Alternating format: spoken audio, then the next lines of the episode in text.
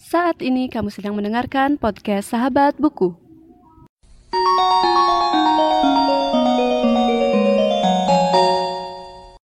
Sebelum mendengarkan episode kali ini, jangan lupa follow podcast Sahabat Buku di Instagram di @podcastsahabatbuku. Selamat mendengarkan. Halo sahabat buku, kali ini aku bakal ngasih sedikit review tentang satu buku yang baru aja aku selesai baca judulnya Bicara Itu Ada Seninya Rahasia Komunikasi Yang Efektif dari penulis Oh Soo Hyang jadi penulisnya itu orang Korea dan buku ini juga termasuk buku terjemahan. Dan bukunya terdiri dari lima bab yaitu bab pertama perbedaan juara satu dan juara dua terletak pada ucapannya. Dan bab 2 isinya pintar mendengar, pandai berbicara. Bab 3 isinya ucapan yang membuat lawan bicara memihak kita. Bab 4 beratnya ucapan ditentukan oleh dalamnya isi dan bab 5 suara bagus bukan bawaan dari lahir.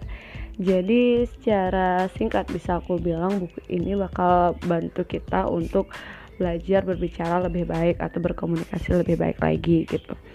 Nah, um, aku baca buku ini termasuk uh, step by step ya gitu. Jadi aku bacanya nggak full kayak baca novel gitu. Karena kan emang dari jenis bukunya bukan buku yang seperti itu. Kita mungkin bisa baca satu bab dulu setelah itu uh, coba terapin dan uh, baru berlanjut ke bab selanjutnya. Terus um, aku mau bilang kalau buku ini termasuk nggak terlalu tebal ya mungkin buat teman-teman ada yang bilang tebel. Cuma 200-an halaman. Dan buku ini benar-benar ngebantu kita kalau uh, kita mempraktekannya. Karena uh, gimana ya kalau baca bukunya aja terus gak dipraktekin menurut aku sih bakal gak guna gitu. Karena uh, fungsi dari buku ini adalah untuk melatih kita berbicara lebih baik gitu. Ya kita harus praktek juga kan bukan cuma sekedar baca gitu. Oke kita bahas babnya satu persatu aja ya. Oke yang pertama perbedaan juara satu dan dua terletak pada ucapannya. Nah di sini itu ada beberapa bagian uh, di dibagi menjadi tujuh bagian yaitu yang pertama dari mana datangnya kesan pertama, nyawa logika, mengungkapkan diri lewat storytelling, penyebab takut berbicara, lengkapi dengan bahasa nonverbal, mengubah cara berbicara, mengubah hidup dan mengubah yang tidak mungkin menjadi mungkin. Jadi di sini kayak tahap awal gimana kita bisa mengenal cara bicara kita gitu. Karena dari yang pertama nih, dari mana datangnya kesan pertama. Kayak uh, kalian juga nyadar nggak sih kalau first impression itu penting banget. Jadi waktu kita ketemu orang baru kita harus ya kayak jangan malu-maluin lah gitu loh. Pasti banyak yang jaim nih kalau misalkan udah kesan pertama ketemu orang apalagi orang penting gitu kan. Nggak mungkin kita salah-salahan nggak mungkin kita um, apa namanya pakai pakaian yang nggak sesuai gitu. Pasti uh, berusaha mempersiapkan sebaik mungkin agar terlihat uh, ya bagus gitu kan. Nah ini juga berlaku pada saat kita berbicara. Itu nggak cuma pas kita berpenampilan aja tapi waktu kita ngomong juga bakal dinilai sama orang baru yang kita kenal kayak gitu. Nah di sini juga ada di bang storytelling. Jadi misalkan nih kayak kita presentasi nih aku nih um, dari pengalaman pribadi ngerasain banget beberapa hari yang lalu aku ngadain presentasi di kelas dan itu benar-benar kayak kok aku harus ngafal ini? Aku nggak ngerti kayak gitu kan. Terus aku latihan latihan latihan terus ngikutin apa yang dibilang di bagiannya ini yaitu storytelling. Jadi walaupun aku aku pertama ngafal tapi aku coba berpikir mengubah mindsetku kalau aku lagi cerita biasa aja. Jadi orang-orang pasti bakal tertarik kalau aku cerita biasa aja dengan cara yang aku banget gitu loh. Nah akhirnya ya menurut aku cukup baik sih walaupun masih ada yang perlu diperbaiki tapi paling tidak aku cukup puas dengan hasil yang sebelumnya sehingga ya aku bakal nyoba lagi nyoba lagi sampai nanti ya aku bisa lebih baik lagi kayak gitu. Nah anggap aja kalau kayak kalian cerita gitu. Karena aku merasa banget gitu bedanya aku cerita uh, suatu pengalaman sama teman terus di presentasi gitu kayak kemarin itu aku punya satu cerita sama teman aku sampai excited banget banget. Sampai teman-teman tuh sering bilang gitu kamu kok kalau cerita tuh excited banget ya? gitu. Kadang mungkin teman-teman nggak tertarik cerita tapi aku yang membuat uh, mereka tertarik tuh dengan gaya bicara akunya kayak gitu. Nah ini aku bakal aku pengen banget terapin di presentasi walaupun terkadang yang namanya waktu presentasi pasti kalian nervous juga nggak pede dan banyak hal gitu. Dan itu perlu dilatih. Dan buku ini bakal bantu kalian buat ngelatih itu loh. Dan selanjutnya kita lanjut aja di bab 2 pintar mendengarkan pandai berbicara. Itu um, bisa dibilang udah mulai ke step by step buat uh, belajar. Gimana ya improve diri untuk uh, gimana sih cara berbicara yang bagus gitu. Jadi lebih lebih dalam lagi dibanding yang di bab satu menurut aku. Karena ya habis kita pengenalannya pasti kita akan mendalam ke materinya kayak gitu kan. Di sini juga ada beberapa bagian yang bisa kalian cari sendiri di bukunya. Dan yang ketiga ucapan yang membuat lawan bicara memihak kita. Nah uh, kalau aku boleh beranggapan jadi kayak bab satu bab dua tuh baru pengenalan gimana caranya kita bisa berbicara dengan baik.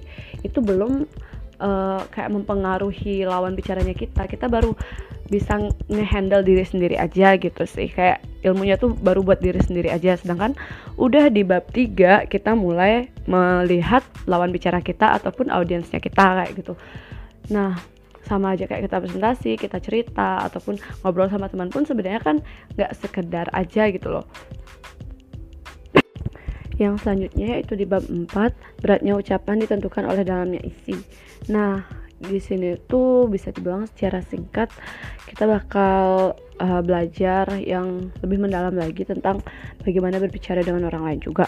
Nah, dari judul-judulnya kita bisa melihat bahwa bisa dibilang mulai ke tahap yang namanya seni berbicara gitu ya. Kayak yang ini kan semua orang punya titik start yang sama seperti artis drama musikal berhasil dalam membuat penasaran. Jadi kayak udah mulai ke tahap seni berbicara gitu. Jadi sebenarnya setiap orang itu punya kemampuan dan uh, cara berbicara yang bisa dibilang bisa diolah gitu bisa dimanipulasi bisa dilatih sehingga bisa berbicara lebih baik lagi. Kayak aku aja sebenarnya kadang berpikir untuk membuat teks untuk uh, berbicara di podcast gitu. Karena di beberapa podcast nggak sih di beberapa dari awal pod, aku buat podcast itu uh, cenderung nggak pakai teks cuma pakai keyword keywords gitu aja.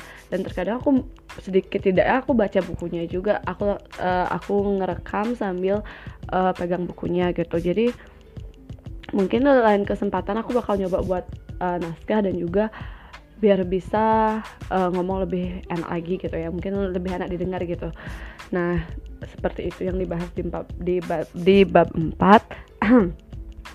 dan yang kelima ini yang uh, jujur sebenarnya aku bab paling aku suka yaitu suara bagus bukan bawaan dari lahir. Jadi uh, di sini diceritain beberapa orang yang memang um, apa namanya bisa dibilang dia berlatih dengan berlatih memiliki suara yang bagus sehingga orang-orang uh, orang -orang tuh kayak udah nggak asing banget sama dia gitu. Walaupun sih sebenarnya orang-orang yang dibahas di bab 5 ini aku cenderung nggak tahu karena rata-rata orang Korea yang seperti presenter pembawa pembawa acara gitu yang aku aku nggak terlalu nonton. Maksudnya aku nggak terlalu uh, tahu hal-hal yang berbau TV show di Korea gitu. Jadi agak asing sih. Terus maunya sih habis ini mau nonton di YouTube atau nyari di internet gitulah.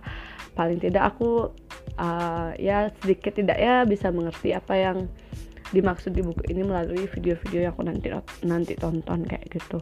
Terus uh, buku ini tuh sebenarnya menurut aku ya bisa uh, berguna banget buat teman-teman yang udah kuliah apalagi yang masih SMA gitu ya soalnya uh, kita tuh bakal menghadapi yang namanya persaingan global gitu. Itu penting banget buat kita bisa paling tidak berbicara dengan baik gitu. Karena kan di dunia kerja gitu kan salah ngomong dikit tuh pasti bakal ada masalah gitu. Apalagi di zaman sekarang orang tuh banyak yang cepet tersinggung gitu. Jadi kita harus bisa memahami maksud dari orang lain dulu sebelum kita ngerespon gitu istilahnya. Kayak uh, yang yang namanya berbicara tuh nggak bakal ada habisnya gitu walaupun udah ada uh, kayak teks di WA gitu atau pokoknya alat komunikasi itu udah banyak gitu media komunikasi itu udah banyak tapi yang namanya berbicara tuh pasti bakal diperluin gitu. Orang tuh nggak bakal cukup uh, berkomunikasi tuh lewat teks ataupun video call gitu tuh nggak bakal cukup. Apalagi kalau udah di dunia pekerjaan di dunia yang bisa dibilang di hal-hal yang berbau formal gitu. Anggap aja kayak kita kita tuh ada pertemuan apa gitu. Kayak pertemuan kenegaraan gitu. Nggak mungkin kan kita pakai bahasa biasa aja gitu. Pasti ada seninya ada seni berbicaranya gitu loh. Nah dengan buku ini jadi kalian bakal uh, diajarin ya step by step buat memperbaiki lah cara berbicara kita agar kayak tahu situasi di mana kita harus seperti ini di satu di satu titik seperti ini di dua titik seperti itu kayak gitu. Jadi secara singkatnya seperti itu semoga kalian suka bukunya. Dan aku um, boleh bilang sekali lagi buku ini nggak bakal berguna buat kalian kalau kalian nggak praktekin. Jadi aku pun bakal belajar lagi untuk mempraktekkan apa yang udah dikasih di bukunya. Karena ilmunya itu penting banget buat kita nanti di dunia um, kerja. Dan juga ya se introvertnya kita tuh pasti perlu ngomong lah. Dan ada ada situasi di mana kita bakal harus ngomong. Jadi kita harus belajar buat ngomong dengan baik kayak gitu. Oke jadi kali ini tuh aja. Makasih buat yang udah dengerin. Sampai jumpa di podcast selanjutnya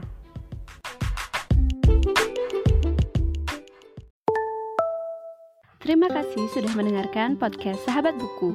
Bagi pengguna Spotify, jangan lupa follow.